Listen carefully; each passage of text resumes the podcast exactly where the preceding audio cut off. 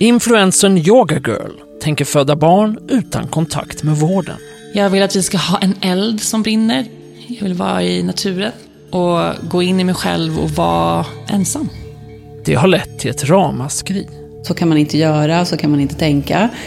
Det är farligt. För vad händer om något går fel?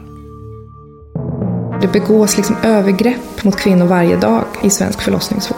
Jag kan gråta när jag tänker på det. Om fem minuter är barnet ute och är en person. Och den personen kanske inte vill sitta i permobil hela livet eller dö. Svenska Dagbladets podd Blända har följt den omdebatterade graviditeten. Ända fram till förlossningen. Världens skärseld liksom härjade genom hela min kropp. Och då kommer ett avgrundsskrik ifrån henne. Lyssna på svd.se blända.